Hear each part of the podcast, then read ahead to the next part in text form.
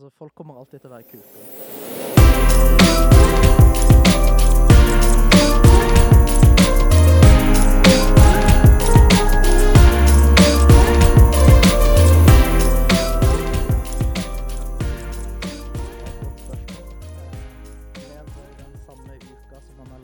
Eh, nå siden eh, juleferien, så lever man den samme uka om og om, og om igjen. Det er sant. Ja, jeg sendte en melding til ei venninne i dag og spurte om hun hadde noen videoer av meg som vi skal bruke i forbindelse med et prosjekt.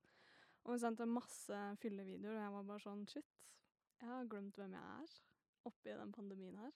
Du har glemt det fyllesvinet du en gang var. Ja, eller jeg bare føler jeg har stagnert. Altså, det, det var eh, sikkert ikke tilfeldig at det bare var fyllevideoer, men Og det var ikke sånn at vi var ute eller noe sånt. Det var bare en helt annen stemning. Det det er nå.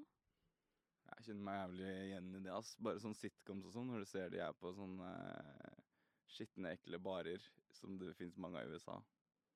Og så savner man eh, Var det ikke du som sa det? Du savner å være på skitne barer, gå på de skitne toalettene på barene og Ja.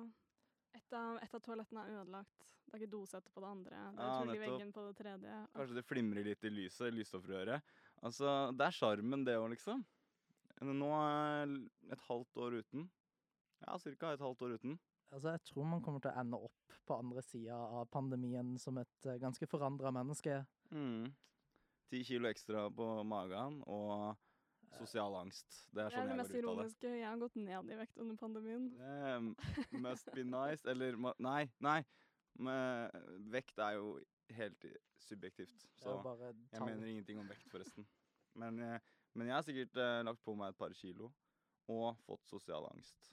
Mer enn jeg hadde fra før, da, kan du si. Og andre utvikler eh, alkoholisme og eh, Ja, den- oppdager eh, nye nivåer av sin seksualitet. Det Det kan også fort skje. har du sett eh, Underliggende. Det er en god del sosiologer og sånt nå som eh, forventer at i år ca. jeg tror det er 2025-2024 at vi kommer til å få vår egen variant av The Roaring Twenties, da, sånn som de hadde på 1920-tallet. Det er veldig interessant at du sier det, for jeg har tenkt på det samme. Eh, jeg har følt meg ekstra mye som Hemingway etter at eh, koronaen starta. Den tapte generasjonen og sånn, ikke sant. Ja, altså vi, vi, vi, unngikk, eh, vi unngikk en verdenskrig, men på lik linje som folk som levde på den tida, så gikk jo de også gjennom en, en ganske ille pandemi. Depresjon. En depresjon, en pandemi, det holder vi begge på å gå gjennom nå. Men ser du også da for deg et krakk? Altså, skal børsen også snart gå under, da, eller?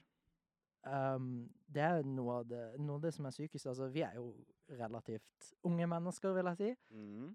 Vi har levd gjennom to vanvittig store børskrakk allerede i, Ja. i løpet av vår levetid. Ja, sant det. Er, altså, I 2008 og nå i 2020 så har markedet truffet nye lavpunkter som de ikke har sett siden da børskaket på 1920-tallet. Var det ikke Var det Black Tuesday det kaltes?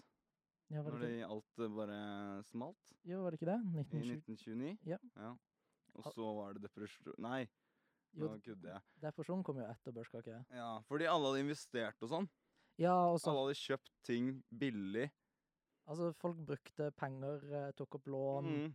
som eh, bankene sånn ikke klarte å betale tilbake når folk skulle ha pengene sine, når først aksjer begynte å dyppe. og det er jo veldig mye Man ser jo dette veldig mye nå sånn med, med cryptocurrency og sånt, som folk Mm. som, uh, som bitcoin og dogecoin og alle disse, hvor folk bruker vanvittige summer med penger på bare å kjøpe disse imaginære nullene og enerne som uh, har en valuta for noen. Det er veldig interessant at du sier det, for det er jo en fin inngang til temaet vårt, nemlig internettets makt. Og store gåter. Og store gåter, mysteriene rundt dette cyberspace, hvis jeg kan si det så eh, enkelt. Altså, vi skal nettsurfe nå. Ja, vi skal ut og surfs up. Sander har tatt med seg en, eh, en Mein Klang prosa. Rosévin fra Østerrike, ser det ut som. Anbefales eh, på det sterkeste. Det var Den var veldig god. Den, eh, den eh, var en del av mitt påskeegg i år fra mamma. Wow! Jeg fikk det og en flaske gin. Nei! nice. Lucky bastard. Det er greie delen med å være enebarn. jeg skal bare si det før jeg glemmer det. Du hører på podkasten Smakeløst. det stemmer. Og eh, i dag så har vi med oss en gjest. Ja, Vil du introdusere deg selv, eller skal jeg introdusere deg? Altså, du kan gjerne hype meg opp litt. ja gjør det. Hype deg opp litt. Du er god på det, Anna. Jeg har sovet tre timer i natt. Sander er uh... Det er gøy, da. Du er i form til å hype du nå. Jeg ser det på deg. Sander har uh, mørkt hår, eh, et vakkert smil. Han er fra det glade er, Sørland. eh, er eh, alle sine venners personlige barber. Er det riktig å si? Ja, Barber og kokk. Ja, det også er sant. Eh, og tornado på kjøkkenet. Både i forstand av at han lager jævlig nice mat, og griser som et helvete. Ja, den er fin, den er fin. Veldig sant. Det må Eh, være er litt fortsatt- sånn er det. Det er fortsatt cornflakes i vasken min. Det, Og tomatsaus på veggene mine. det er ekstra næring som dere bare ikke har tatt i bruk, da. Eh, Nettopp, nettopp. Altså, jeg tenker hvis man eh, tar en klut, en helt rein klut, vasker opp de tomatsausflekkene, skviser det ut fra kluten i en kjele, Yeah. and you got a stew going. Baby! Yeah. Ja. altså, det er pastasaus med årgang. I think I want my money back. Nei, men det er veldig hyggelig å ha deg, Sander. Um, du har jo uh, mast og mast og mast om å få Nei da. Men uh, vi har jo snakka om å ha deg som gjest en stund. Nå, nå er jeg her endelig. Ja, Maud er fortsatt i Fredrikstad, og du er alltid i Kristiansand. Ja, det, Så dette var det perfekte tidspunkt. Rett etter påsken. Dessverre så er jeg ingen Maud, men eh, jeg er mitt eget menneske. Mm. Ja, det skal du fortsette å være. Prøver. Vi, det Eh, er derfor vi Ja, det var det jeg skulle spørre deg om. Altså, Foretrekker du tittelen gjest eller vikar? Jeg tenker gjest er mer ære i å være det, enn å bare være en nummer to-måd. Altså, jeg kan gjerne ha gjest eller sånn eh, stevert. Stedvert. Mm. Stevert. Altså, jeg, jeg- jeg kommer inn Ingen er så spesielt fornøyd med at jeg er her. Dere vil ha den ordentlige faren deres tilbake, men uh, jeg er her nå, så nå, nå må vi bare finne ut av situasjonen. Vet du hva, det tror jeg ikke skal bli noe problem i det hele tatt. Jeg håper ikke folk slår av nå, som de hører Maud ikke er her. Fordi dette kommer til å bli en veldig interessant episode med oraklet Sander på en mikrofon. Er du klar for det, Sander? Oraklet, ja. Mhm. Du kan ta den tittelen og Altså, var allerede Tobias i tårnet, så nå eh, nå, nå, nå er oraklet, det greske orakel som ser frem i fremtida her. Herregud, nå har vi solgt deg inn så høyt at nå må du faen meg levere òg, ass. Altså, 15 minutter til så ligger jeg på gulvet og uh, får panikkanfall. Ja, det ikke, du blir ikke den første. Så det går fint. Jeg er i godt selskap. Ja, Mm. absolutt. Uh, nei, skal vi bare starte, da? Gå inn i temaet. Ja, altså, vi, eh, vi hadde jo lyst til å gå litt inn i det med nettkultur. Ja. Bare generelt hvordan det er å bruke internett. Det er sånn i vår hverdag, altså vår eh, generasjon med oss uh, unge, unge mennesker, uh, som ikke klarer å gjøre stort annet enn å sitte på de smarttelefonene og scrolle gjennom Instagram og Ikke kjøpe hus og Ja. Har lage barn heller. God. Nei. æren av der. Ja, altså da har jo Internett har jo blitt eh, Det er tydelig at internett har kommet for å bli, da. Ja, Det kan vi vel ganske sikkert stadfeste nå. det, det hjelper ikke så veldig å være så trassig og sta på det nå. Nei. Ehm, spesielt nå under det siste året så har vi jo bare mer og mer fordøya internettet på et punkt hvor eh, man nesten er som i Matrix og bare kobla opp mot eh, s- simulationen og uh, Mhm. lasta opp snart. Det papirløse samfunnet, baby. En bag med penger. Mm. en, en bag med kryptovaluta. Men altså, man, man, man det, det er så rart det hvordan det har utvikla seg over de siste årene, eller hva skal man si, de siste 25 årene. Ja. Med hvordan man forholder seg til nettet. Liksom det, jeg husker fortsatt når nett som, eller sånn sider som YouTube kom ut. Det, det, var så bisart konsept for meg at man bare hadde liksom tilgang til nesten alt Mm. av videoer på ett sted. Selvfølgelig tok det 20 år å laste ned, fordi mamma nekta å bruke mye penger på et uh, internett, og heller ville bruke penger på TV-kanaler på Kanal Digital. Kjøpe 500 TV-kanaler. Vi så på to. Ja. Men det føler jeg også har switcha nå de senere år. At liksom foreldrene mine, som var veldig sånn lineære TV-personer, de streamer bare nå, de også. Mm. Uh, og bruker heller penger på mer internett og strømmetjenester enn TV-kanaler. Mamma fortalte meg nettopp at hun bare kutta ut TV-kanaler. Hun brukte 500 kroner i måneden på TV-kanaler, som hun nesten aldri brukte. Mm. 500 kroner? Ja, Ja. det er vel kanskje så dyrt? Det er rådyrt. De må jo også overleve Husk. denne utviklingen av bransjen. Du ser jo det med de fleste av de sånne store selskapene nå tilbyr jo også streaming services som du kobler opp, sånn HBO, Netflix, Mm.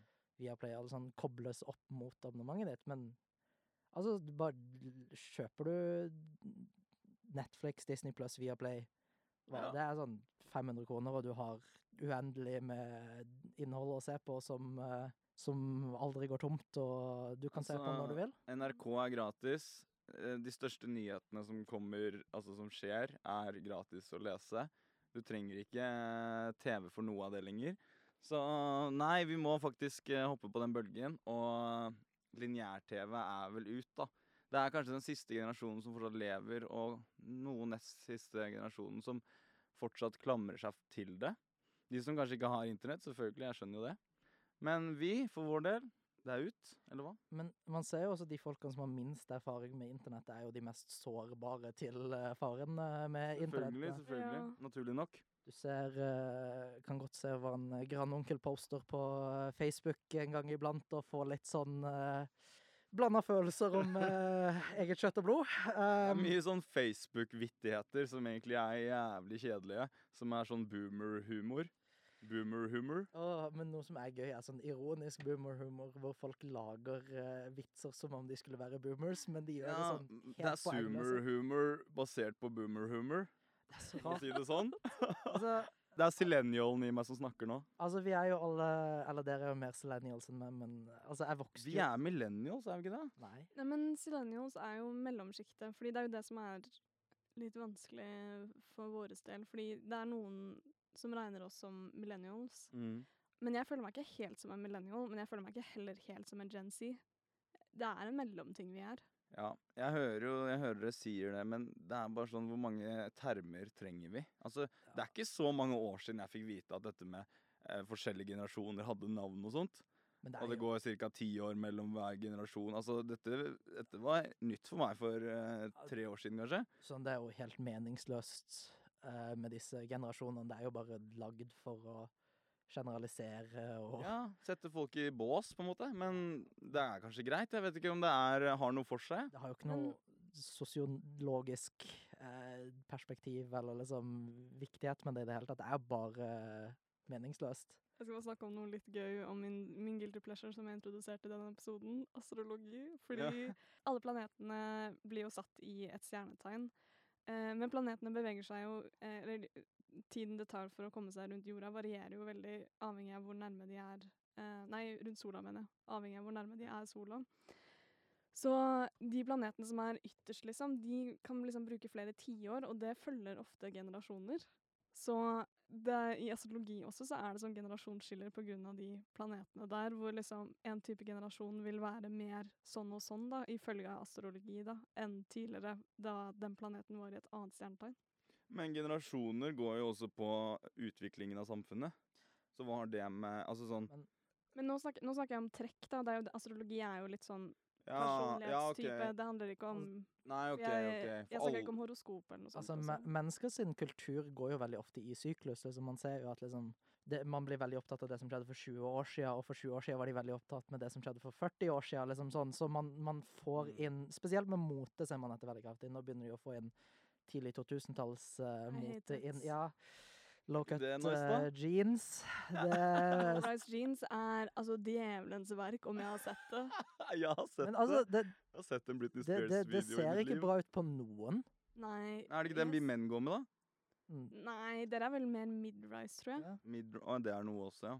Ja, fordi liksom det er mer over uh, midja, liksom. Ja, ja. Og den her skal under, den skal under Venusberget. Det er det det heter på norsk. Jeg visste ikke hva det Hva heter på kaller det på engelsk? Jeg vet ikke, men jeg bare Det er det det kalles på norsk, i hvert fall. Jeg har alltid lurt på hva kaller man dette, fordi både menn og kvinner har den delen. Men det heter Venusberget. Mm, Ja. gorgeous.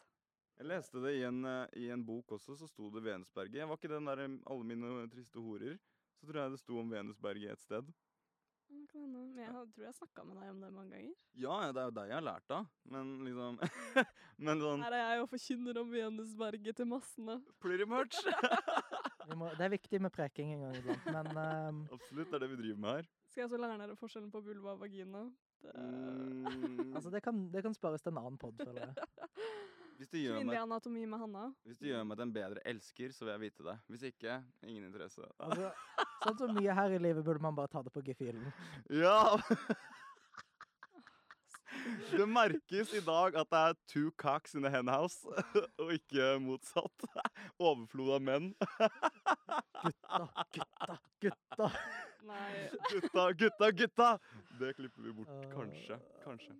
Ja, kanskje. Altså, vi hadde ehm, Nå kjente jeg adrenalinet gikk opp. Men mer tilbake til det med mennesker som går i syklus, Ja.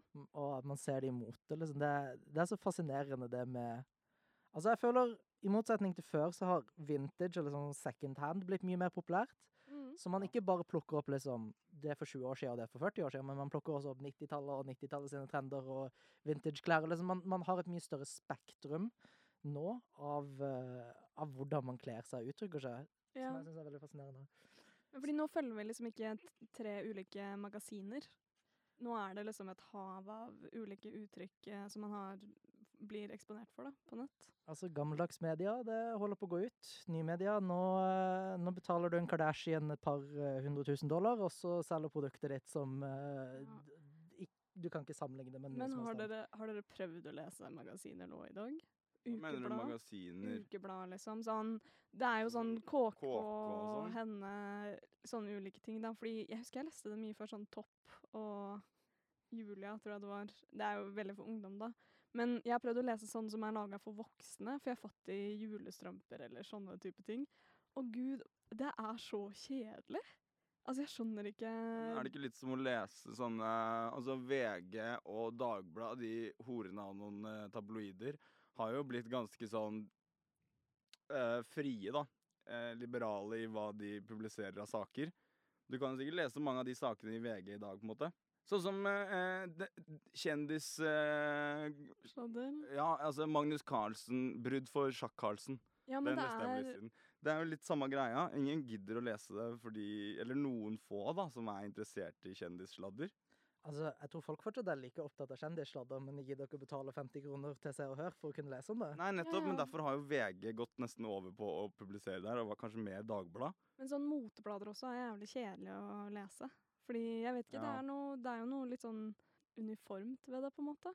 Fordi det er liksom, det representerer kun én ting, mens på internett så har du jo tilgang til så mange forskjellige Og så har du, typer. du har liksom de direkte kildene til individene som er Mhm. relatert til motene, som du trenger ikke å måtte lese hva L syns om det ene moteantrekket, men du kan gå rett til hva designeren sier, og 15 andre liksom, motekritikere og modeller og folk som bruker det. Sånn, du, du har tilgang gratis til et så bredere spekter av mening og uh, underholdning og hva skal man si, ideer. Men hva var det du kalte det? Eh, para... Paranormal... Par, ja, altså, eh, Parasosial. altså parasosialt forhold. Det var det. Det, det kan vi jo gå litt inn på. Det er kunsten av at Dette er jo ikke et nytt fenomen. Det var fantasi i mye mindre grad da tidligere, men sånn Man så jo det med for eksempel The Beatles, at Mm. når en kjendis kommer ut i populærkulturen, kulturen og folkekanoen, og folk liksom tar til seg disse produkter, som ofte er kanskje kobla opp til de selv som en person Ja. Musikken er ikke nødvendigvis 100% en én-til-én. At det er min livserfaring, dette er sånn jeg er. Men det er en utstråling av de som en person. De er der, de synger, du ser de, du får litt ut av den personligheten. Så folk Du danner føler du kjenner personen. Ja, du danner dette bildet av en person. Ja. Men den personen har aldri noensinne møtt deg eller hatt noe forhold til deg, mest sannsynlig, og vet Nei, ikke engang at du eksisterer. Annet enn at før i tiden kanskje at eh, de så at folk sendte de brev, eller så at albumene de sine ble kjøpt, eller at kjøpt, folk kjøpte filmbilletter, liksom. Men eh, nå er det enda større det på å selge seg selv som et brand, som du ser med liksom Kardashiansene. At de Mm. selger seg selv, de er sitt eget produkt. Hvor de da går ut og reklamerer for hva enn, eller sin egen Peps, egen Pepsi. Pepsi, eller sine egne sminkemerker, eller hva enn. Eller bare generelt seg selv og sin merkevare på showene sine. Mm. Hvor da folk får et mye større bilde av hvordan de er som person. Mm. Um, og har samtidig litt større mulighet til å kommunisere med liksom DMs og kommentarer og likes og sånn, men de aller, aller, aller, aller fleste som tar inn dette produktet av de, det har ingen betydning eller ingen mening til den personen som faktisk produserer det. Så da skaper man da et parasosialt forhold. Du har dette bildet og veldig sterke forholdet til dette individet, selv om du ikke De vet ikke engang at du finnes. Det er en utrolig bra film jeg synes som er veldig morsom, som uh, anbefales sterkt. Uh, Ingrid Goes West, hvis noen har hørt om den. Nei. Nei? Uh, med Aubrey Plaza og Elizabeth Olsen. Mm. Veldig, veldig gøy. Um, Var det den hun eh, promoterte på en eller annen eh, Oscar-utdeling eller noe? Hun Aubrey Plaza bare gjorde PR-stunt med å gå på scenen og ha tegna tittelen på filmen i panna, eller hva faen det var for noe? jeg har ikke fått med meg den, Ah, ja, det var jævlig eh, kleint, ass. Hun skulle ta fra noen Oscar eh, Jeg tror det var Will Ferrell, ja. Skulle ta fra, Det kan ha vært en annen film, nå skal ikke jeg digresjonere. det, Sjekk det på YouTube. det er Jeg skal sjekke det etterpå, men eh, den filmen er utrolig bra i å vise hvordan sånn parasosiale forhold fungerer. Hun spil, Aubrey Plaza da spiller en karakter som ikke er helt OK i hodet lenger, og har gått gjennom en ganske ille livskrise. Og blir veldig opptatt av uh, Elizabeth Olsen sin karakter, som er en sånn influenser som uh, selger veldig sånn livsstilsbloggprodukter av seg selv, viser hvor glad de er, hvor bra de har det. og Liksom, hun blir veldig opptatt av å prøve å etterligne dette livet og prøve å bli kjent med denne personen til det punktet hvor hun flytter til California og stjeler hunden hos henne bare for å ha en mulighet til å møte henne. Ja, riktig. riktig. Så, så utvikler seg situasjonen over det. Det er en veldig, veldig veldig bra film. Jeg anbefaler Ingrid Goes West. Ja, Ingrid Goes West. Ingrid. Mm. All right. Takk for Ja. anbefaling. Har dere hatt noen parasosiale forhold selv? Fordi jeg har hatt mange. Ok, Da skjønner jeg ikke hva, hvordan kan vi ha hatt det. Er det ikke det du sa? At det er, det er den som ser, altså publikummet, som Ja. danner. Å, ja. Fordi de vet jo ikke hvem Altså jeg, det er mange youtubere jeg har aldri kommentert på noe som helst. Altså det eneste jeg er for de, er liksom ett av de talla i de millionene som følger de, typ. Mm. Men jeg, liksom, jeg har liksom dagdrømt om å møte de, hvordan det hadde vært. Og fordi jeg, jeg tenker sånn Å, vi viber dritgodt basert på hvordan de portretterer seg selv på internett. Og hvordan personligheten deres eh, vises da på Det har jo vært spesifikt youtubere, egentlig. Ja. Blir forelska i imaget deres. Ja, da skjønner jeg. Jeg trodde du mente om noen har liksom vært forelska i meg, da. Over Det hadde vært litt sannsynlig. Med Instagrammen din. Eh, Kanskje på Eh, Twitteren min. Smakløst har ikke, har ikke poppa opp så hardt ennå. Nei, dessverre. Dessverre. Eller kanskje. Kanskje dere har en stalker? Ja, altså de som Hvis, hvis de fins der ute, så vil jeg at de skal ta kontakt. Det hadde vært hyggelig. Mm. Det booster litt uh, selvtilliten, det. DMs og dickpics. Helst ikke Spesielt til uh, Henrik sin private Instagram. Nei, dette kan vi ikke si høyt. altså, uh, nå føler jeg at det, det føler jeg er å si Altså gi tommel opp til masse dickpics til meg. jeg, jeg gir den tommelen opp. Vi er ikke der. Vi er ikke der. Men da, da får du det parasosiale forholdet. Men uh, litt sånn som Hanna sier, jeg, jeg har også vært der veldig med Jeg var mer der på sånn streamere og sånt, for da er det folk som oftest ja, spiller eller bare snakker om ting generelt. Men det skjer vel live også, gjør det ikke? Ja, det skjer live, og da har du den chatten hvor du har muligheten til kanskje en hver sjuende melding du sender, kan bli sett, og de kan fnise av den. Liksom. Da, da er det Mm. enda mer den sånn De har aldri noe personlig forhold til det, Ja. men de ser det, og de acknowledger det, som får den følelsen til å være enda mer intens. Hvor det liksom er sånn Å, hadde det ikke vært så kult å være bestevenner med de, eller liksom ja, ja, sånn Man det, den, Absolutt. den følelsen blir enda sterkere. Og nå i den tida her hvor folk er mer og mer ensomme, Mm. Mm. da er det mer det folk søker ut, liksom. Ja. Det blir jo nesten Altså, det blir jo dagdrømming, da. Eh, og alle har jo hatt sånn Man har jo alle hatt sånne ikoner og folk man har sett opp til av kjendiser som du aldri har kjent, men du føler du kjenner dem, akkurat som dere sier. Selvfølgelig, det skjer jo det. Og de ser ut som kjempehyggelige folk, men det vet man jo ingenting om. fordi selvfølgelig, hvis du er ute i media, så vil du jo framstå som en ålreit person. Så det er, kan jo bare være et spill for galleriet, som man sier. Man ser jo bare hvor mange sånne YouTube-skandaler det er, liksom, Ja, hvor ja. kommer frem i lyset. Mm. I did some bad things and I'm going to apologize. Oh. Det var jo en 21-åring nå, jeg har aldri hørt om en, en eller annen James Charles, sikkert. Ja, det kan godt hende. Han hadde sånn jævlig rar frisyre som minna litt om min, bare mye mer verre. Ja, det, er han, det er en gutt i sminke, holdt jeg på å si. Boy Maker. Ja, og han hadde snakka med 16 år gamle gutter eller noe, og så beklager han etterpå. Ja. Men det er jo, altså Det som er, da, er at hvis du er en douchebag, så er det jo eh, Som en stor kjendis, så kommer det jo ut uansett. Folk, så folk vil jo fortelle disse historiene. Hvis, de, hvis, hvis eh, en stor kjendis da har snakka til deg når du er 16 år, så er det klart at du forteller det til andre. Du er jo sikkert stolt av det, eller et eller annet, så du kommer jo til å komme ut. Så det å være en douchebag som kjendis er jo Det betaler seg jo ikke i lengden. Det kan jo ikke gjøre det. Nei, men de tror at de klarer å komme unna det med, med det mange. Og så er det jo noe med Cancelled. Du blir cancelled med en gang. Mm. Eller etter hvert, uansett. jo-. Som regel så kommer de tilbake og er har ikke noe problem med å er- tjene penger. Du må gjøre noe sånn grovt alvorlig sånn å, snakke med en 16-åring er ille, ja, når du er 21, men mm. det er ikke sånn du, du blir hevet i fengsel av, mest sannsynlig. Det er ikke sånn FBI kommer på døra og tar alt du har. Liksom. Det, det, det er ikke det nivået skandalen til at du ikke bare kan forsvinne i tre måneder og komme tilbake og late som ingenting. Ja, for det det er en ting jeg lurer på. Er det noen dere kan huske liksom, som faktisk har blitt cancela sånn fullt ut? De har ikke en plattform lenger, liksom? Fordi Onision. Ja, men jeg var Ja, Han var en sånn ganske stor YouTuber. Jeg så aldri noe særlig på han, men han var ganske stor YouTuber i tidlige dagene. Ja, jeg så, jeg så, det var i de tidlige dagene da, før folk begynte å tjene penger. Det var jævlig mye weird. Uh, Ah, Kan du si det navnet en gang til? Onision. Han lagde veldig mye sånn der Å, Jeg uh, føler meg som en boomer nå. Jeg aldri har hørt det. rar XD, random uh, meme-videoer, liksom sånn hoppa rundt i banankostyme og I'm a banana. Og det, det, Men de siste åra, han har jo på en måte bare vært kjent for alle de skandalene, de tingene som har kommet ut, da. ja, men de Eh. har han, han, tingen at han hadde alltid den lojale fanbasen til den siste runden med skandaler som holdt på i noen år, hvor til og med Chris Hansen fra To Catch a Predator har vært på han. The fuck?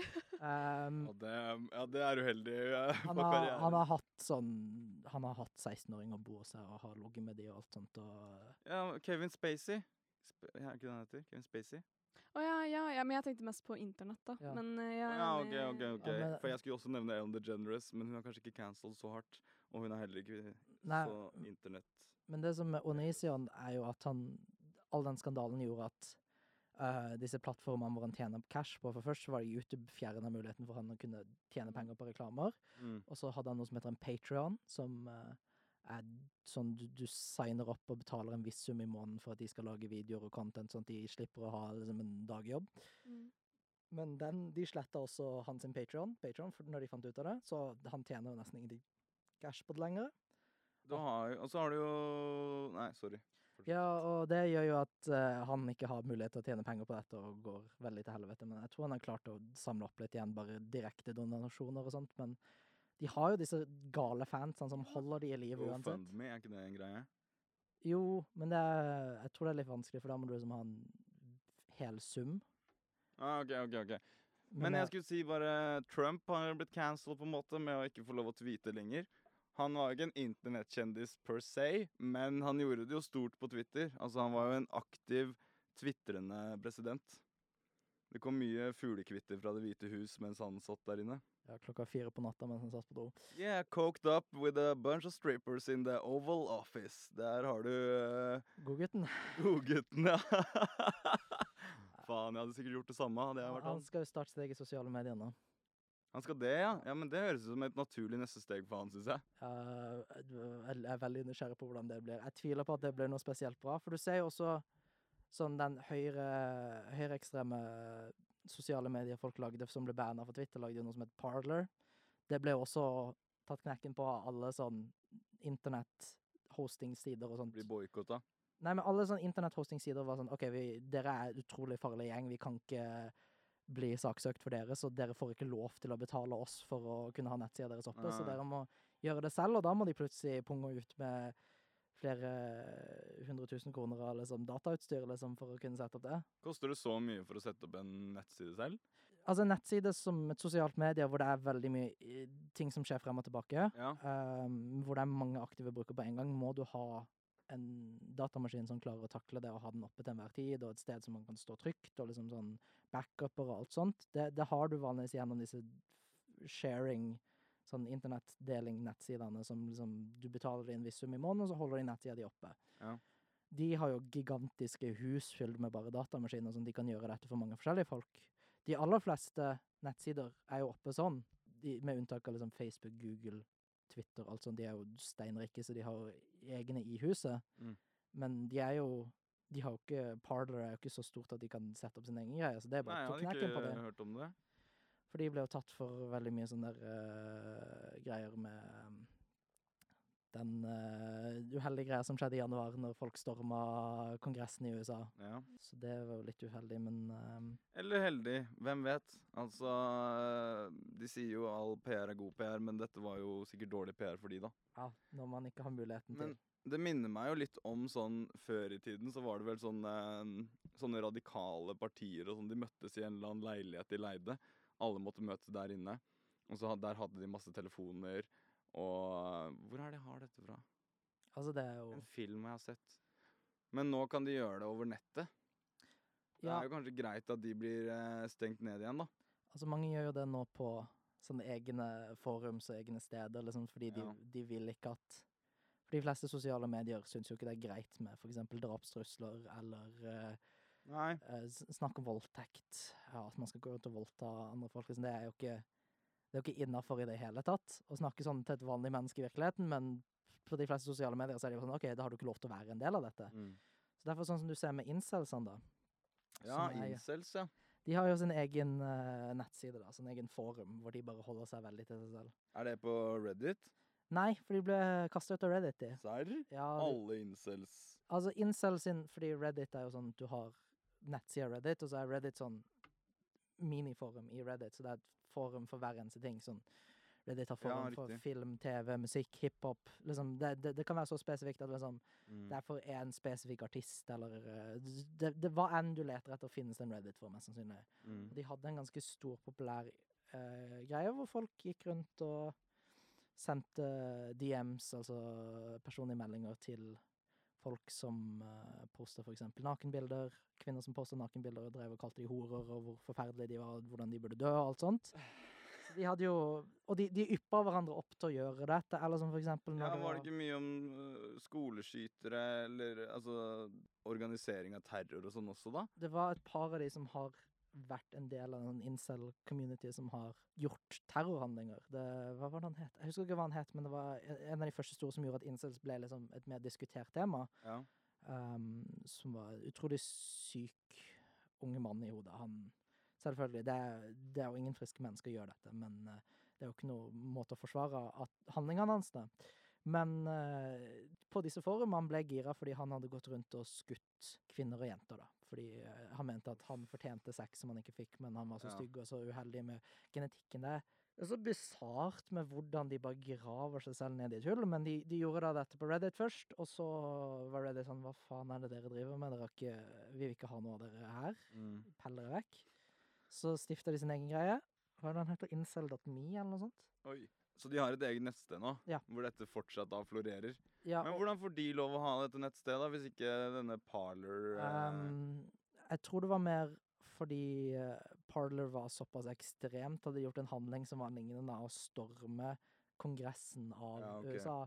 Så tror jeg de hadde gjort det fordi de, de har jo sagt de samme tingene, de som storma kongressen gjennom hele perioden, og har sagt mye verre ting før dette. mm. Det er jo en, en som er medlem av Kongressen nå, som er helt klin koko, som har vært støtter av dette, mente at man skulle skyte Nancy Pelosi og liksom andre ledende demokrater fordi de er landsforrædere. Ja, det blir jo litt ekstremt, litt radikalt. Incelsene, da. Incelsene Ja, kan jeg bare si en ting først? Kjapt. Fordi jeg, som den boomeren jeg er, så hørte jeg først om incels eh, på lineær TV på NRK, på Trydekontoret. Og der var det en norsk incel som var på besøk og snakka om det, og han virka jo ålreit. Vi har snakka med han tidligere i poden, har vi ikke det, Hanna? Jeg tror vi har det. Nevnte vi det, at han, han er ikke incel lenger? Nei! Han er ikke incel lenger. Det var det- Han, han har en fuck friend, men det er ikke noe seriøst. Jeg tror han har flere fuck friends nå, og det er ikke noe han har problemer med å si på, til VG eller hvem det var som eh, lagde en sak om han, da. Han er egen norsk klamydia-kilde. Ja, det kan godt hende. Kanskje litt korona også. Men altså, han Der fikk jeg høre om det. Der ble de snakka om incels, og hvordan de liksom mener de fortjener sex fordi de er snille gutter, men ikke får det. Og så problematikken med dette at folk eh, de kanskje ikke fikk en date til ballet, skoleballet, og de skyter opp skolen, eller Jeg snakker litt unyansert om det nå, men er, det er litt det det ligger i, er det ikke? For man har jo man har litt forskjellige nivåer av incels. Er jo de folkene som er sånn derre Å, men jeg er bare en nice guy, jeg er bare hyggelig mot kvinner, og dette er jo noe sånn eh, Sikkert Hanna også har opplevd med noen lignende. Liksom sånn er De fleste kvinner jeg har snakka med, har opplevd noe lignende med at en person er veldig sånn, hva skal man si, nice guy eller pick me, sånn Mm. Mm. eh, føler at de er så snille og hyggelige, og at de fortjener sex bare for å være hyggelig med en kvinne. Ja. eh, og mener at alle men, andre menn er bare douchebags og behandler de forferdelig og kommer til å være utro mot de og slå de og alt sånt. Det er det ene nivået, eh, som er mer vanlig. Og så har du disse som går helt klin kokos, eh, som er ekstremnivået. er sånn og på grunn av min genetikk og sånn da jeg var født, så kan jeg aldri ha sex. Mine håndledd er for små. Ja. Det er en ting de klager på. De har for små håndledd, og da virker de for kvinnelige, mener de, og da kommer de aldri til å kunne få seg et ligg. Oh, ja, så, de, så dette er mer folk som eh, klager på sin egen eh, genetikk kontra klager på samfunnet? De klager på samfunnet også. Altså, det er jo sånn umbrella term med incel som betyr involuntary celibate. At de er Ja. celibate selv om de ikke velger det selv. Ja. De har vært så uheldige i genetikken at de aldri umulig kan få seg et ligg. Mm. Uh, med hvordan de er født, liksom, at haka de er i feil vinkel, og nesa er litt skeiv, og liksom alt sånt. De, de, de driver og liksom poster disse tingene og hvor forferdelig de ser ut. Og så driver de og pusher hverandre ned igjen opp, og derfor liksom folk poster det i forum og sånn Å, hvordan kan jeg umulig få meg en kjæreste nå, liksom, med alt dette? Og så driver de og skriver i kommentarfeltet til hverandre at de de er så jævla stygge. Ja, du kan umulig få det med de jævla håndleddene dine. Altså. Ingen kvinner vil ha det. Det er, det er ikke noe positivt samvær de har. De pusher hverandre helt ned. Så de burde jo heller snakke hverandre opp. De burde jo liksom være der at Hei, du, ikke eh, løft hodet. Smil. Det kommer til Det er en dame der ute for deg òg. Det burde de si til hverandre. Men i stedet så sier de hvis en fyr kommer inn der ah, 'Håndledda mine er for tynne. Haka mi er skeiv. Ja, det stemmer. Du er stygg. Du får deg aldri noe dame.' Hva faen for et giftig samfunn. Men det er veldig skummelt også, fordi jeg tenker jo det må jo danne tankemønstre i de, og det å bryte ut av tankemønstre som er etablert, er jo helt for jævlig vanskelig å gjøre. Eh, for det Mhm. krever så mye selvbevissthet, og liksom at du skal konstant slå ned på det. Så når du først graver deg ned i det hullet, så blir det bare dypere og dypere, om jeg kan dra den Ja. Det hjelper liksom ikke bare å sette på noe Bob Marley og, og smile til livet lenger da. Da må du eh, tyngre skyts til. Men jeg må si, som for jeg har også sett den Trygdekontoret-episoden, og jeg tror Altså, for kvinner så Jeg, jeg kan ikke uttale meg på vegne av menn, da, men sånn som jeg opplever med kvinner, så er liksom Tiltrekkelse er så utrolig mangefasettert. Det er ikke kun hvordan du ser ut, det er også liksom den dype selvtillit du har, og hvilken personlighet du har, og sånne type ting. Og det jeg opplevde veldig da jeg så bare den episoden med han fyren, var at jeg tenkte liksom ikke at det var noe galt med han ved å se på han i det hele tatt. Men så var det bare den stakkarsligheten som jeg tror veldig mange finner lite tiltrekkende. ass. Selvfølgelig. Det, Altså, de, de ender jo De begynner jo med å komme inn i dette fordi de har endt opp på et punkt hvor de er bare så isolert alene, har ikke Mm. noen støttekontakter, ikke noe, Mm. og leter etter den hjelpen og leter etter en forklaring på hvorfor de har det som de har. Og så blir de fortalt enten å ja, nei, men alle, alle kvinner er horer fordi de bare vil ha menn som slår de og er utro mot de og sånt, og de, de vil ikke ha ordentlig snille gutter, liksom. Det er nice guys finish last. er så eh, mange- det er så mye nice guys som Det er veldig gjennomsiktig når det er et motiv Mm. som er underliggende der. Det enser, det enser folk så sykt fort. At det er en sånn desperasjon. Altså, man kan lukte det, liksom. Det er så tydelig. Det er jo lagd masse filmer om det òg, liksom, hvor det er sånn tapere, da. Og så er det, de er på byen eller noe, de skal lære seg å sjekke damer.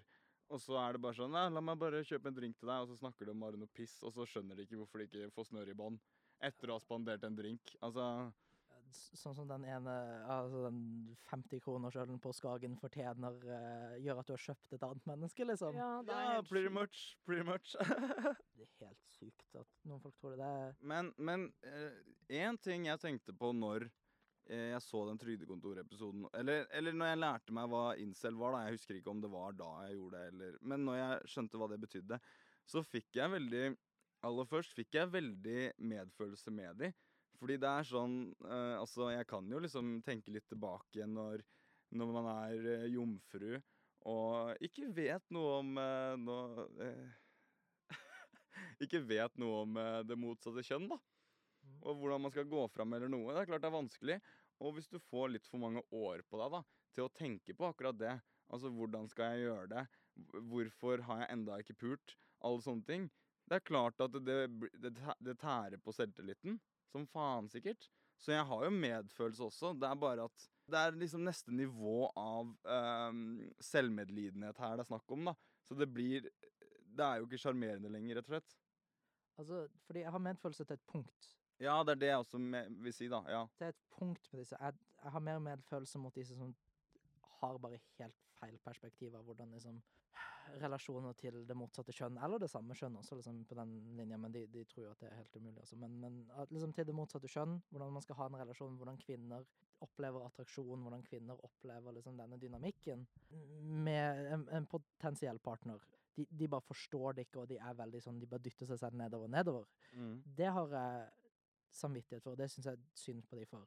Ja. Men ikke når de kommer til det punktet hvor de er så selvdestruktive mot hverandre, men også når de er på det punktet også, så driver de jo også, for det er jo ikke bare sånn uskyldig vi er bare slemme med hverandre. De driver jo også og for eksempel sier at voldtekt burde være lovlig fordi kvinner kan ikke bestemme for seg selv når det kommer til sex og sånt, og de kommer bare til å nekte oss sex og alt sånt fordi vi har små håndledd. Eh, og andre ting er det sånn heier på masseskyttere når de dreper kvinner og sånn fordi de var horer og fortjente å dø og alt sånt, og Mm. dette er bare payback fordi vi ikke fikk sex, liksom. Ja. Er, da er du et avskyelig menneske som bare burde gå og legge seg. Absolutt. Men det viser jo veldig faren på hvordan et ekkokammer fungerer, liksom. Man, dette er jo en uendelig uh, buffé av hva enn man vil se på. Vil man se på porno, kan man se på porno. Vil du se på youtubere spille nyeste populærspillet, så kan du se på det. Vil du se mm. på folk eh, drive og snakke om vintageklær og, og, og sminket, så er det null problem å finne det. Du kan finne hva enn du vil, og da er det ofte sånn at du ender opp med å skreddersy din egen smak etter eh, hva, hva du selv vil ha, og du, du holder etter de områdene du holder deg til vanligvis. Og da er det ofte likesinnede folk som holder seg rundt dette, så for eksempel hvis du ser, sånn som vi snakka tidligere med Anisan, at han har fortsatt fans liksom, som støtter han og gir han penger. Det er sånn han Mm. holder seg overlevende. Fordi disse folkene er så dypt inne i dette ekkokammeret at liksom, Anisian gjør ikke noe galt. Han er ikke noe fæl, det er bare alle andre som misforstår han og alt sånt. Fordi vi er på det laget, og alle andre er mot oss. Man, Kan du bare forklare ekkokammer? altså, ekkokammer er jo bare når man uh, ender opp i et rom med likesinnede. Det trenger jo ikke nødvendigvis alltid skje når man er med likesinnede. Det er jo alltid positivt å være rundt folk som deler samme meninger og holdninger som det. Mm. Men når alle har nøyaktig samme mening og holdning, og bare bekrefter hverandre om og om igjen, og all Ja. tanke som går imot den forventa tankegangen, Mm. blir slått hardt ned på, og man blir kasta ut, eller man bare blir trampa ned til man følger eh, normalen, da er man i et ekkokammer, for du har bare lov til å tenke den ene tanken som går ekko, ekko, ekko, ekko igjen. Ja, du blir liksom aldri- mening. Utfordra på et reelt nivå med andre tanker og perspektiver enn det du har eksponert deg selv for hele tiden. Ja. Nettopp. Nettopp. Ekko. Der er ekko. Så Da er det er jo det som er skummelt når det kommer til disse incel-folkene. Når de driver bare og dette ekkoet blir bare større og større og større, og større, og trykker de mer og mer og mer og mer ned, Mm. jo dypere de kommer.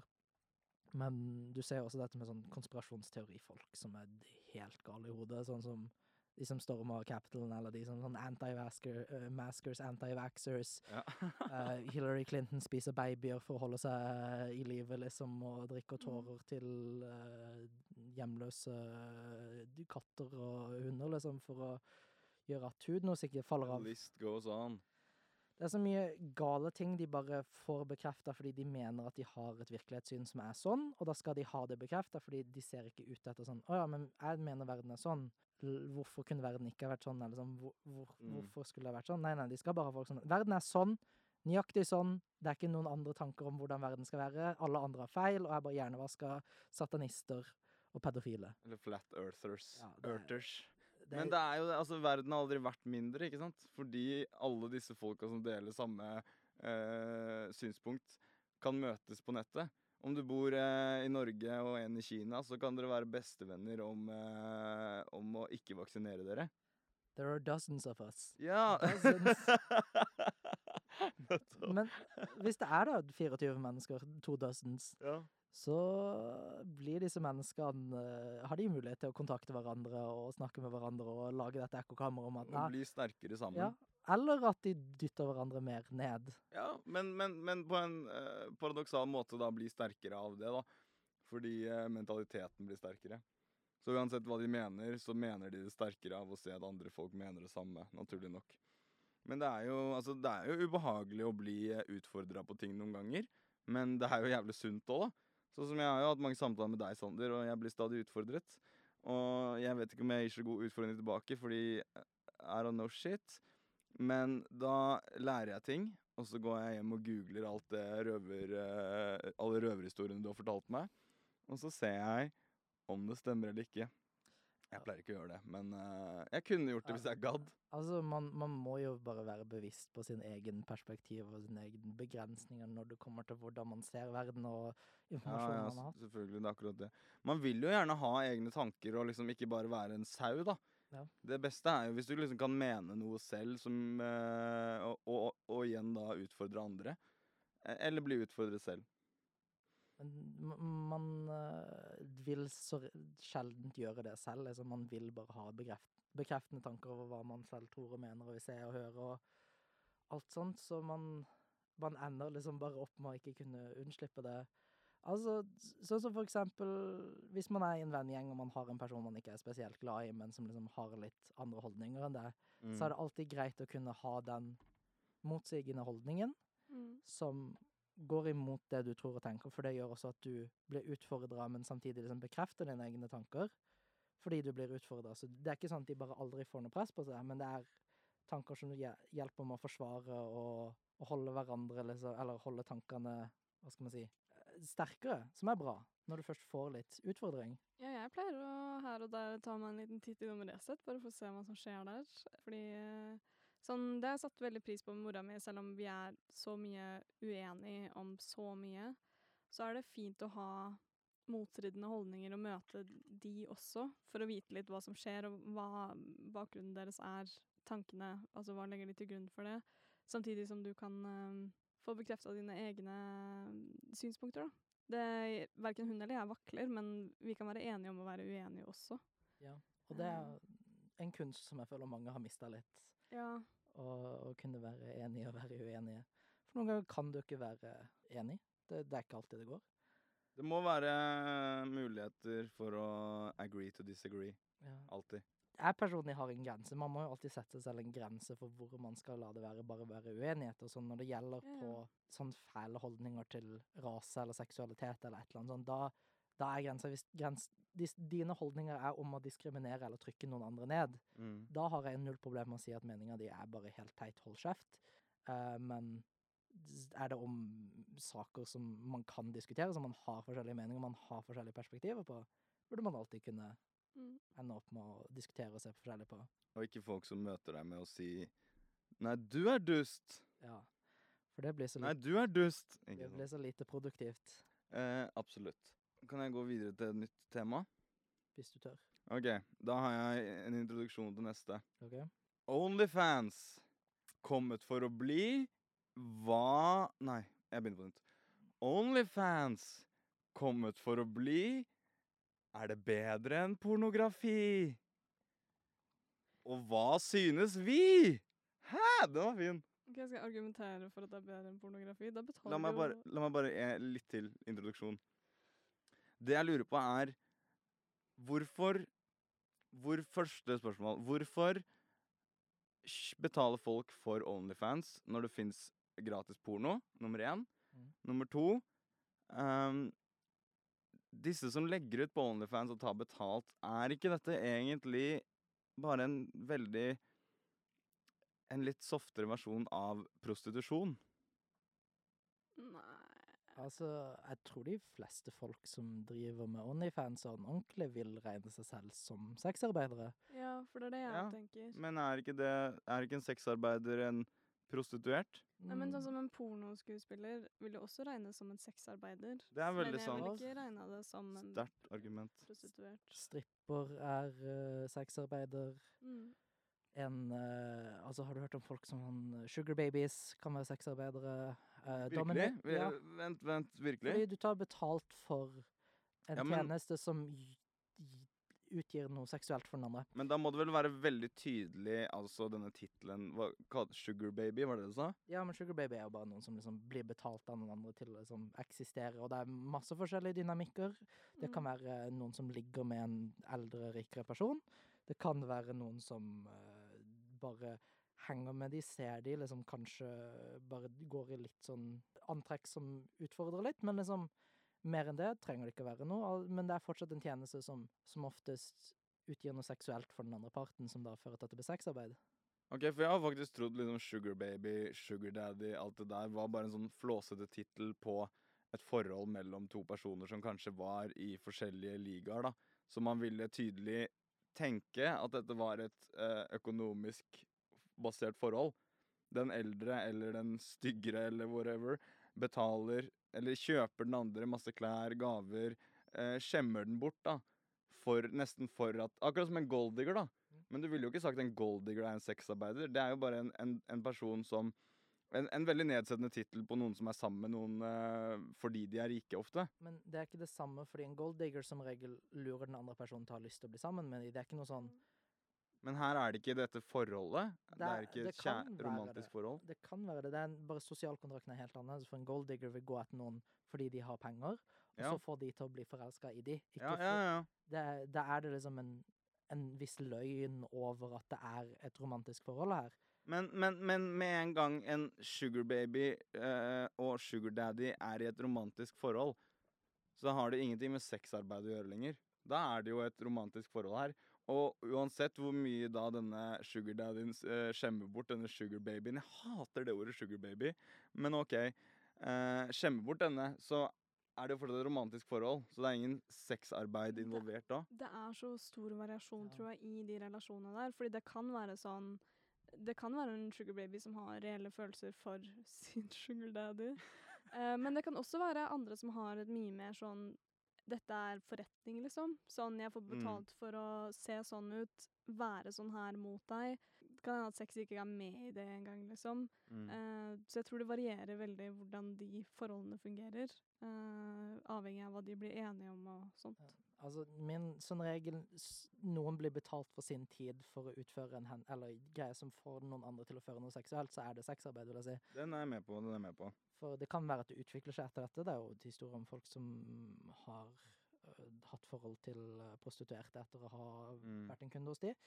Uh, det er folk som har gjort det sammen med strippere, pornoskuespillere. Liksom. Det er bredt spektrum av det. det. Alle er jo mennesker involvert i dette. Det er jo Mm. utrolig komplekse forhold og følelser som går an. Men det er så lenge folk er Eneste grunn til at du er rundt de, er egentlig bare at du syns de er ålreite, og du blir betalt for å være der, liksom. Mm. OK. Så, Så på Onlyfans går jo litt inn på det vi snakket om tidligere, med parasosialt forhold. Hvorfor jeg tenker at det er Ja. Jeg tror ikke det er mer populært enn porno, men Nei, ikke enda, men det er jo ganske nytt, da. Men jeg tror det aldri kommer til å være det fordi porno er gratis. Mm, Nettopp. Men hvorfor er det da noen som har eh, Og nå spør jeg bare om deres synsing og tanker om det, jeg ber ikke om noen fasit. Hvorfor er det da noen som foretrekker å betale noen eh, for å gjøre diverse ting? Er det, det på grunn av eh, maktbalansen i å kunne liksom be de gjøre akkurat det og det? Det kan jo også være sånn der, Hvis du har et parasosialt forhold til det, da, så kan det jo også være et ønske om å betale de direkte, istedenfor at pengene deres eh, For det har jo vært en stor greie i pornoindustrien, at skuespillerne ikke får betalt rimelig i forhold til hvor mange Mm. eh, visninger de har, blant annet. Ja, det er et fint uh, fin eh, Hva skal jeg si Fin uh, altså, Fin uh, Vennlig, jeg må bare finne på det. Ja, ja det er en fin uh, tanke. Ja, det er jo en fin tanke på det. Perspektiv. Ja, det er jo et fint perspektiv på det. Men eh, det, det er bare skulle si at liksom, Porno er også veldig Problemet med porno er også at det, det er så grovt mye plagiat av innhold, sånn at videoene dine, hvis du er på en av disse store nettsidene da, som betaler deg liksom sånn, Du er betalt skuespiller til å være i denne filmen her, og så får du så og så mye penger. Eh, så blir som regel den videoen tatt fra nettsida, spredd over 10 000 Mhm. forskjellige pornonettsider.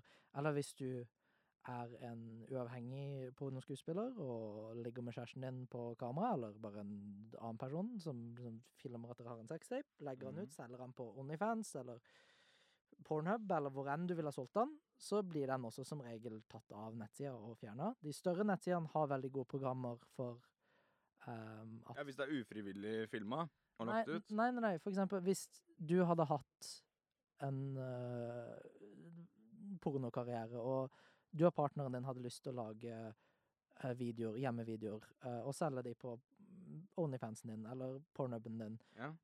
for ti dollar. Du må betale ti dollar for å se denne videoen. Mm. Så kan det være at noen betaler ti dollar, og så bare screen recorder de og Ja. kopierer videoen. Mm. Eller gjør noen andre triks og laster ned videoen.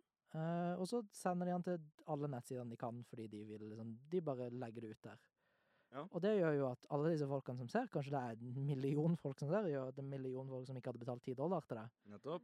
Og da mister du ganske mye penger. Det er jo akkurat som med Pirate Bay all ulovlig strømming Ja, òg, da. Det men- jo det samme. Men det er jo det samme med, med Onlyfans også. Du Ja. kan jo gjøre akkurat det samme der. Så hva Men det som er med uh, I hvert fall sånn den måten å gjøre det, er jo at jeg så noen beskrive en, en sexarbeider på OnlyFans beskrev det som at man Når man eh, ikke betaler for OnlyFans og bare ser på content eh, fra ulovlige nettsider, så er det som å sitte i buskene og, og se inn i vinduet eh, på at noen kler av seg. Når man betaler for OnlyFansen, så er det en consent. Det er noen som har gitt deg tillatelse til å se på de naken. ja, Det er som om de har satt fram et par sånne klappstoler der, Ja, så du er slipper sånn- å sitte i busken. ja, nei, men det er sånn, da, kom inn, du er hjertelig velkommen til å se på puppene mine, liksom. Ja. Eh, men det er noe ganske galt med å se på folk sitt sånn nakenbilder som har blitt liksom lagt ut sånn, selv om det er uten de som consent, bare fordi de la det ut og betale. Det kommer til å skje uansett, men det er fortsatt ikke innafor, liksom. Det er, det er absolutt ikke innafor, men, men umulig å stoppe, da. Og eh, altså sånn eh, Hvis Problemet ligger jo i det leddet der noen betaler for det, og så sprer det. Ja. Eh, og så hvis de da selger det, eller hva de gjør, gir det til eh, Pornhub, da, for eksempel, eh, og noen er inne på Pornhub og ser den. Du kan jo ikke klandre de som er der og ser den. De visste jo ikke bedre. Nei, Så liksom Det er jo akkurat som på Pirate Bay, at problemet er jo de som deler, ikke de som eh, benytter egentlig. ja, ja, men det som er i hvert fall med Onlyfans, som er så greit i hvert fall, er at derfor mange sånn sexarbeidere har beveget seg over til Onlyfans, er fordi de har mye bedre juridisk hjelp. Eh, Onlyfans har et okay. senter for sånn juridisk hjelp. Hvis de finner ut at noe av ditt har blitt lagt ut på en av de store nettsidene, eller egentlig hvilken som helst nettside, så sender de deg en season desist. Og hvis du ikke gjør det, så blir du saksøkt. Hvis du ikke fjerner videoen. Ah, herlig. Ja, det liker jeg å høre. Det er, det er godt å høre. Så hvis du vil finne Ja, altså en av de største på Onlyfans nå, er jo det er et annet problem man kan gå over etterpå, er jo store kjendiser som går over på Onlyfans og tar vekk mye penger, sånn som Taiga.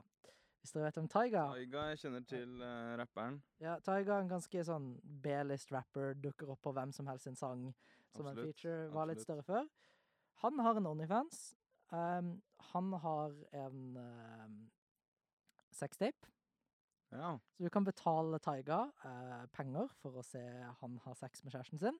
Uh, som er Jeg føler det- er peak 2021. Men Absolutt. Altså, hvis Taiga finner, finner den uh, sextapen sin på en nettside, så blir det kan han sende en advokat på det.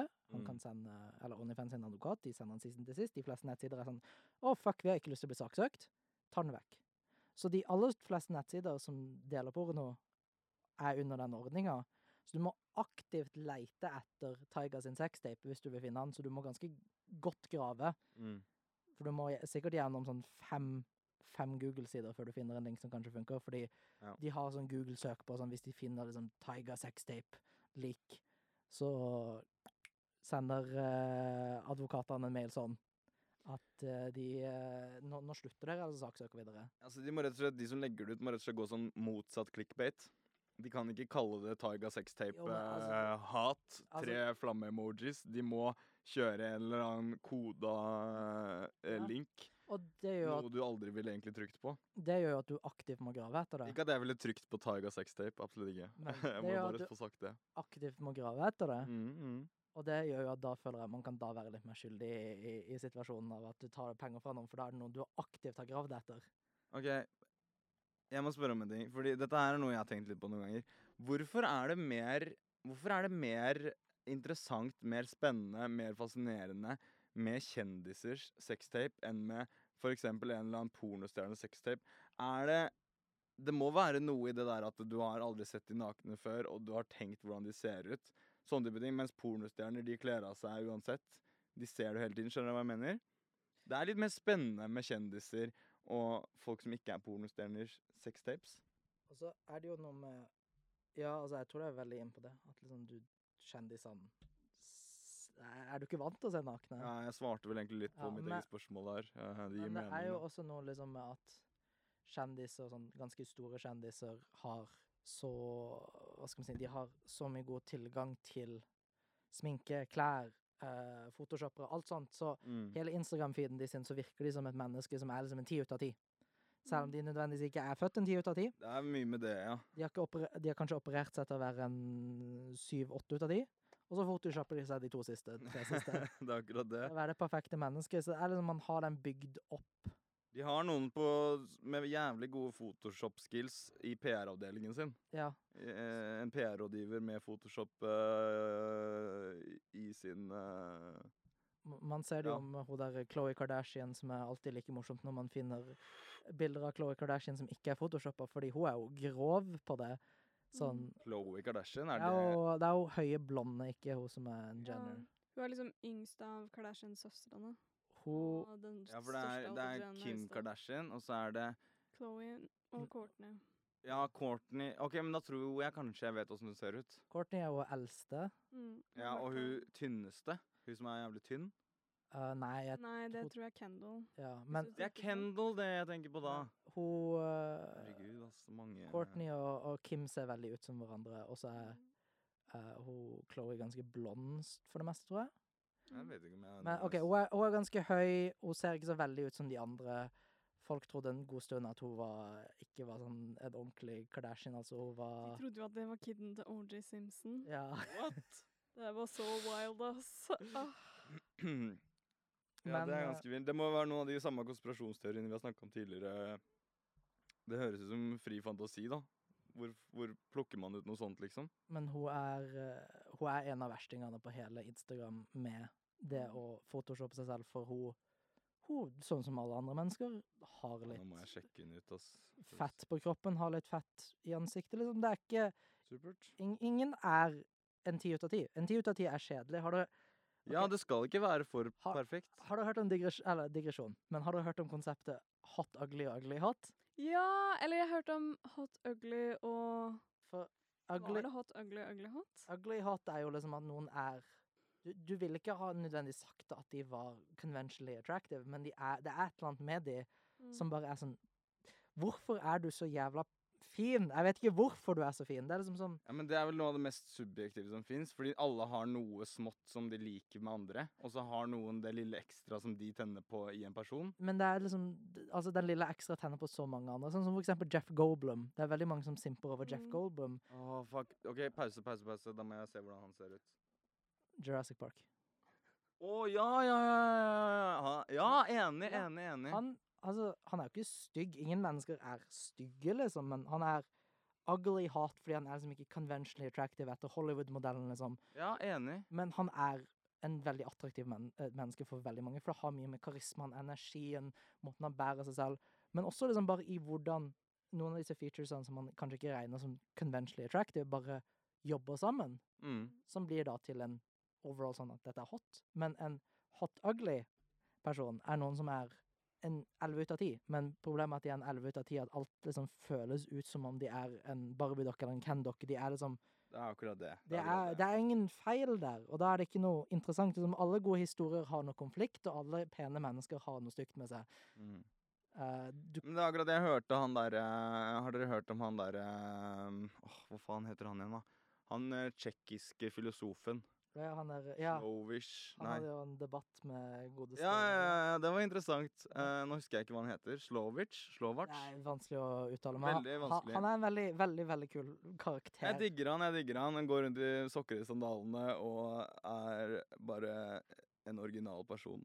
Men han sa en gang det om Det var i Frankrike, så hadde de spurt hvem er penest av eh, Og nå husker jeg dessverre ikke de to. Det var, den ene var hun derre Crawford. Crawford. Cindy Crawford. Cindy Crawford, ja. Det var den ene.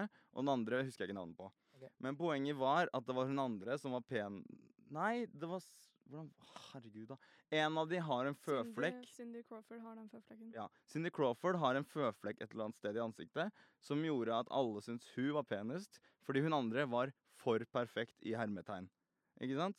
Det er problemet. For perfekt er Altså, det er sånn eh, En jente spør deg Burde jeg Folk sier til meg jeg burde miste fem kilo. Syns du jeg burde miste fem kilo? Nei, da mister du det, det du har ved deg. ikke sant? Eller sånn Ja. Al du, du hadde vært perfekt hvis du bare var fem kilo lettere. alt det her. Nå siterer jeg nesten bare han der Slovic, eller hva faen han heter for noe. da. Minner meg om uh, Har du sett Mean Girls Uh, Filmen. Ja. ja. med Regina George som hele tida skal miste 1,5 kilo? Å, det er altfor lenge I siden jeg har really, sett den, men I really need to lose two pounds.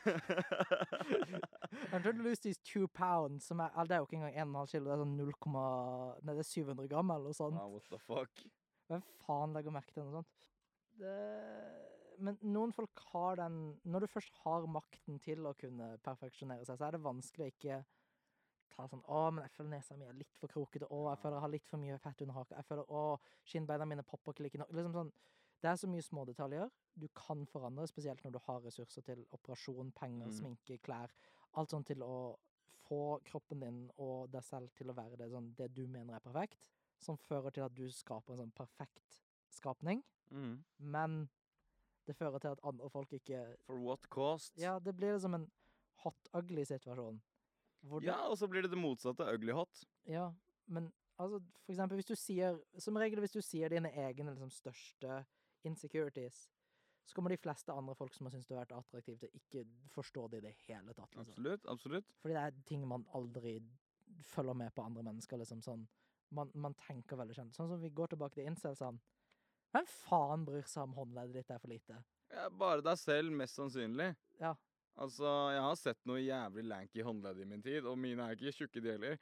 Men ja, greit. Men altså, det fins noen der for deg som liker tynne håndledd, da. Eller enda bedre, kanskje, som ikke bryr seg.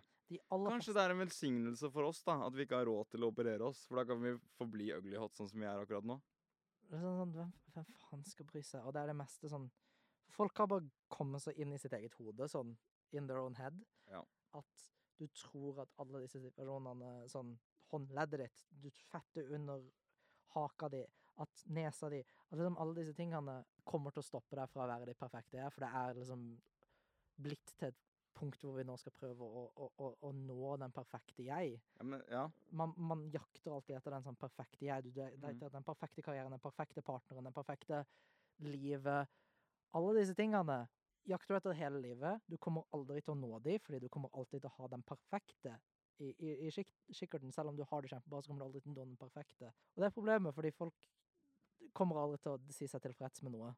Det, Vi har, vi har eh, rett og slett bare altfor mye tid til å studere oss selv og finne disse feilene. Mm. Med smarttelefoner, med frontkamera, selfies, alt det greiene der. Det er akkurat som når du tar en selfie med vanlig kamera på telefonen, og så snur den deg, sånn at du ser hvordan andre folk ser deg, og de bare Altså, du bare Jesus Christ, er, er det sånn her jeg ser ut til vanlige folk? Akkurat som at når du hører, din, hører på den podkasten her, er det sånn her jeg høres ut til andre folk? Alt det der. Du blir så jævlig selvbevisst av det. Uh, men ja, det er sånn du ser ut til andre folk. Det er sånn du høres ut til andre folk. Deal with it. Fordi andre folk er vant til å se deg sånn. Akkurat sånn. Så det er ikke så farlig.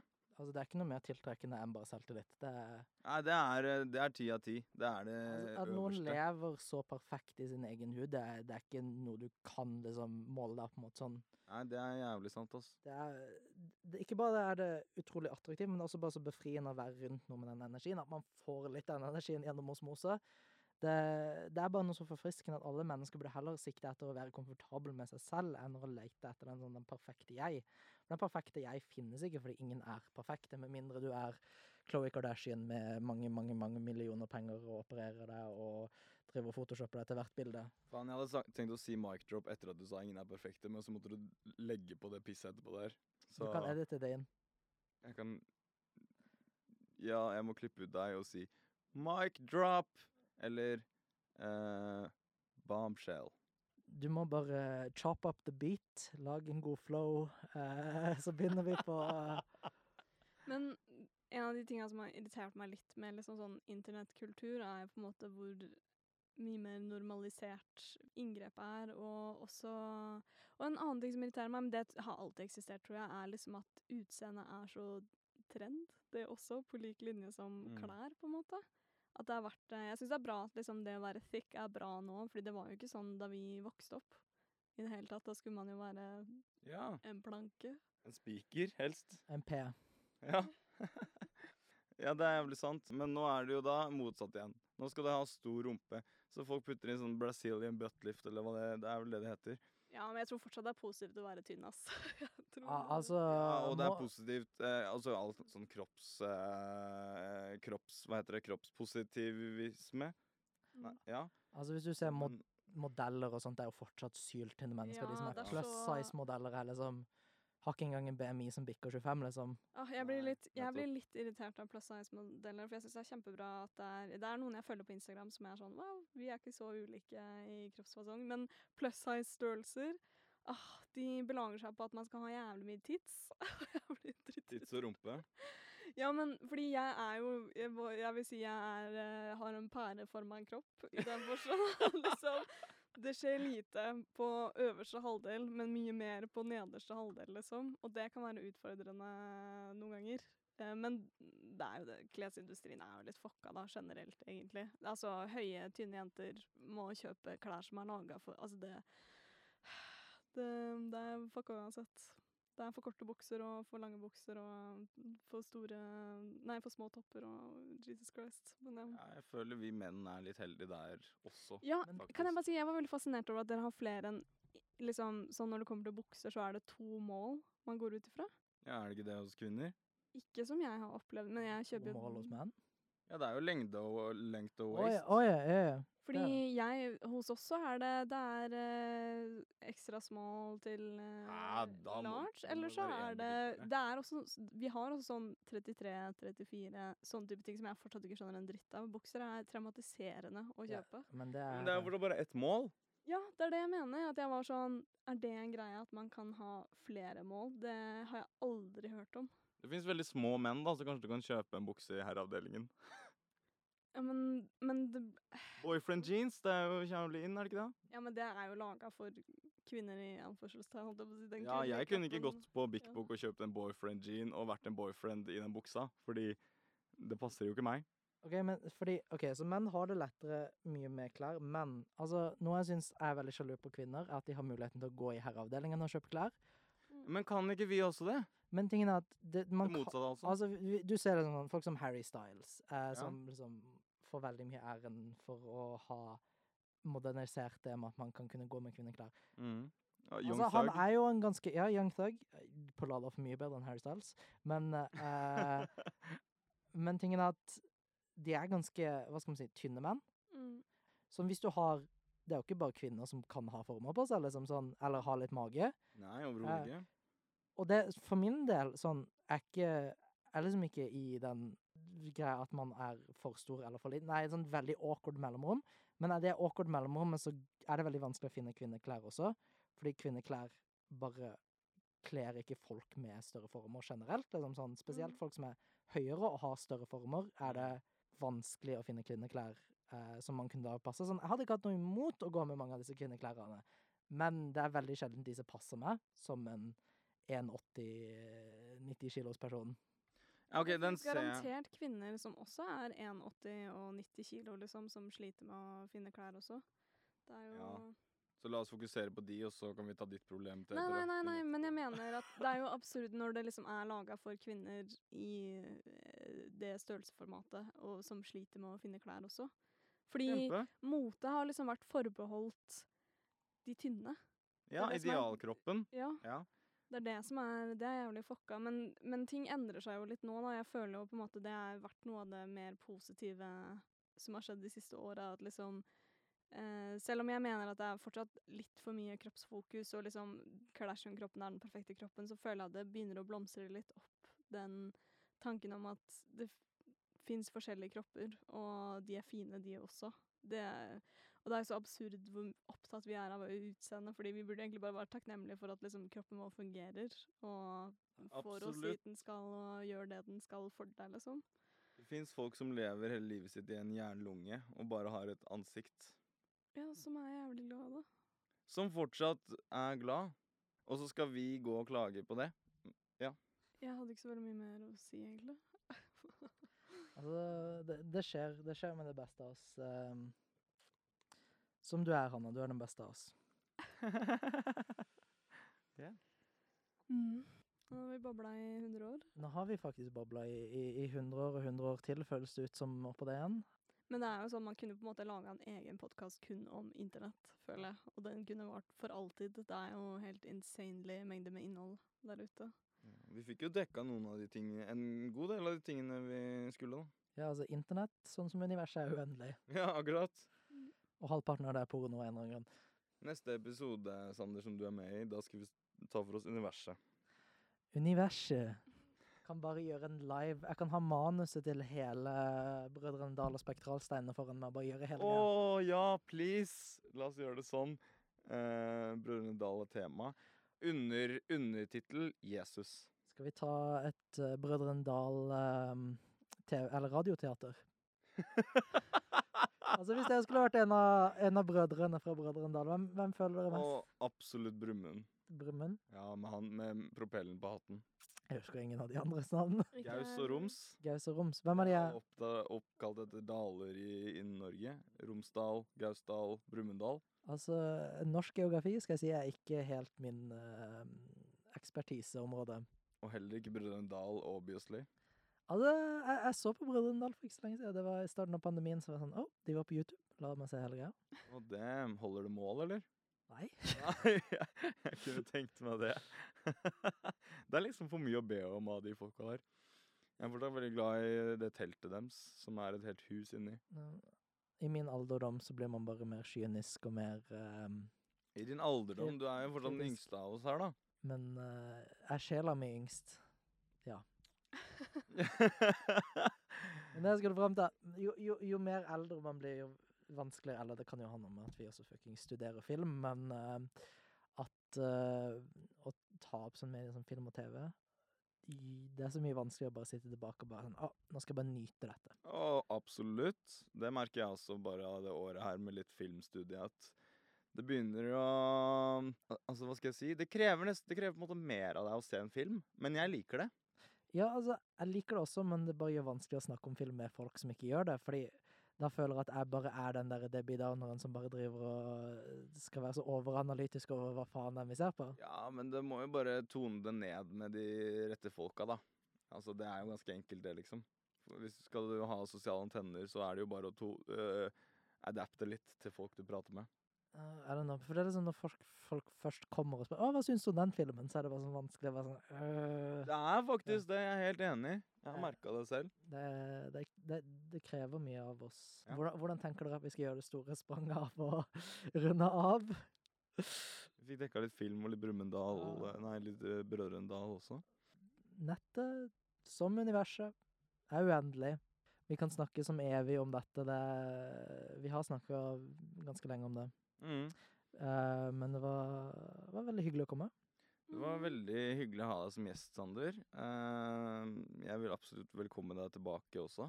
Velkomme. Velkommen. Ja. deg, si at du er velkommen tilbake. Så uh, neste gang uh, Maud sitter fast i, i Fredrikstad, så, så er jeg på plass. Every blue moon. You're, du er vår guy. Er the guy, jeg er det sted verdt. Altså, du er vår incel innafor. du er vår in-incel, involuntary incel. Involuntary incel. Involuntary, involuntary Er ikke egentlig alle incels involuntary incels? Jo, Ne- samme det. Hanna, har du noe å si? Legge til på tampen? Uh, Bestefaren min sa at uh, IT så ut som en nordlending. Det er kanskje det eneste jeg har lyst til å by på. Så vet dere Og han er vel nordlending selv? Ja, jeg også er jo nordlending. Ja, du ligner jo litt. Det OK, Sander, du kan ta over min plass i podkasten. Nei, herregud. det. Altså Stream faller på sverd på Spotify. Ja! Hell yeah. Shout out til, folk- shout out til Oskar. Jeg mest, møtte han en gang utenfor på trappa på sida av boligen. ja det, var, det var to minutter. ja, det var to minutter, sammen. men eh, altså Hvis man snakker om et parasosialt forhold, så jeg, så er veldig glad i musikken til Oskar. Så hvis han eh, noensinne hadde hørt på og hørt på nå, så hadde jeg blitt veldig glad. faen, tror du ikke Oskar hører på podden vår, eller? Han hører på som er faen, han. Gjør han det? Han gjør det. Okay, ja, Han men da, ler på T-banen hjem. altså da, da gir jeg en shout-out til Oskar. Bra musikk. Fortsett det du holder på med. Shout-out til Maud også, egentlig. Ja. Absolutt. Maud, uh, vi savner deg i Kristiansand. Så det blir hyggelig å se deg igjen, Maud. Mm. Nei, men Det har vært en fin episode. Vi har fått dekket mye rart og uh, snakka litt igjen. Første episode med en gjest. Syns det gikk uh, temmelig knirkefritt, faktisk. Det ser jo ut som du aldri har uh, gjort annet enn å sitte i en, uh, et podkaststudio og bable. Altså, babling er det jeg gjør best. du kan si det sånn. Nei, men skal vi runde av, da? Eller skal vi ta en sang? Allsang på grensen. Skal vi ta en sang?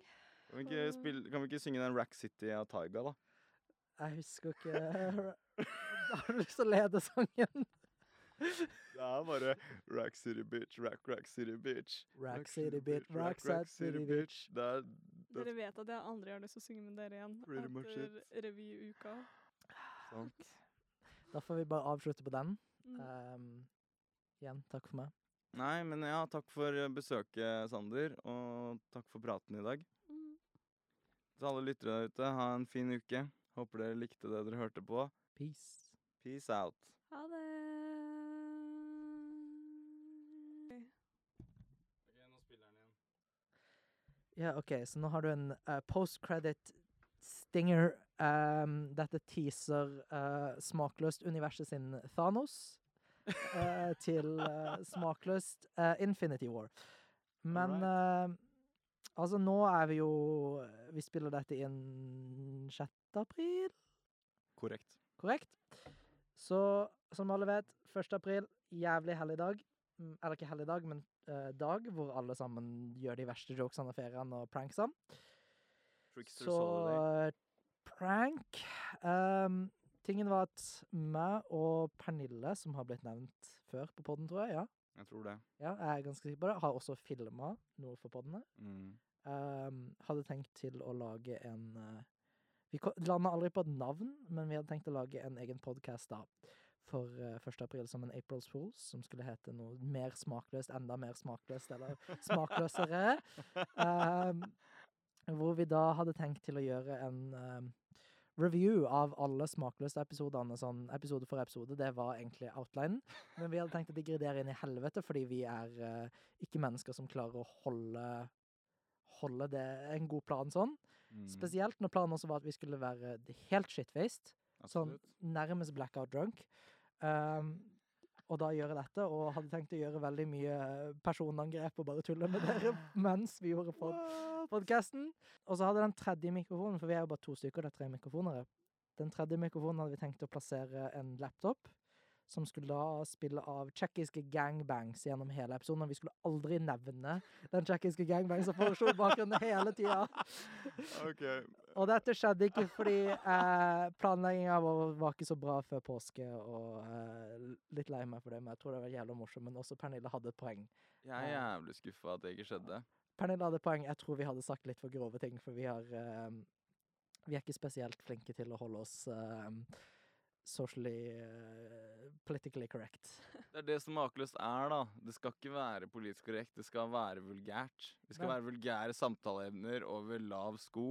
Men det er sånn vi ikke hadde hatt lyst til å, å finne, eller finne ut at andre fant ut av om sju år til å bare bli cancelled for. Altså, vi må begynne å drite i å bli Åpne ny Vi må begynne å drite i å bli cancelled, folk. Det er det jeg alltid sier. Folk. Men det spørsmålet mitt er til den vulgære, eh, også fantastiske ideen, jeg elsker det, er hvem Fordi det jeg tenker da er, det er tre mikrofoner her. Ja. Vi pleier å være tre mennesker som prater. Hvem av oss tre uh, originale kan, kan jeg få litt? Ja. Takk. Hvem av oss tre?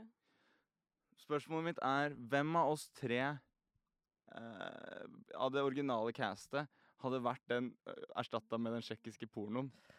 Altså, jeg, kan jeg bare presisere før jeg sier hvem? Altså, jeg er glad i For det var en, det var en viss Si hvem først. La oss ha vår reaksjon. Så kan du begrunne. Ja, det er gøyere. Altså, jeg tenkte Hanna. Wow, det så jeg ikke for meg. Fordi dere hele tiden avbryter meg, you Ja. bitches. Men den pornoen hadde jo avbrutt mest av alt. Jeg trodde det var meg, ass. Altså, fordi tingen er at um, Jeg er veldig glad i alle tre her. Uh, men to mennesker av de som er på båten her, er mer høylytte. Det kjenner man her igjen i år. Så meg og Pernille kan bli ganske høylytte når vi snakker, og jeg tenker at det, det som hadde mest reflektert Hanna, var den ene som man hører en gang iblant, liksom stikke inn med en lyd eller et eller annet som prøver å snakke i bakgrunnen, men er der hele tida underliggende og fører til stemninga. Uh, så jeg føler kanskje Hanna hadde passet bedre, men jeg vet ikke helt. Eh, jeg, tror, jeg tror jeg hadde endt opp med å måtte si Hanna. Men det er hyggelig at jeg er den som mangler dynamikken deres, da.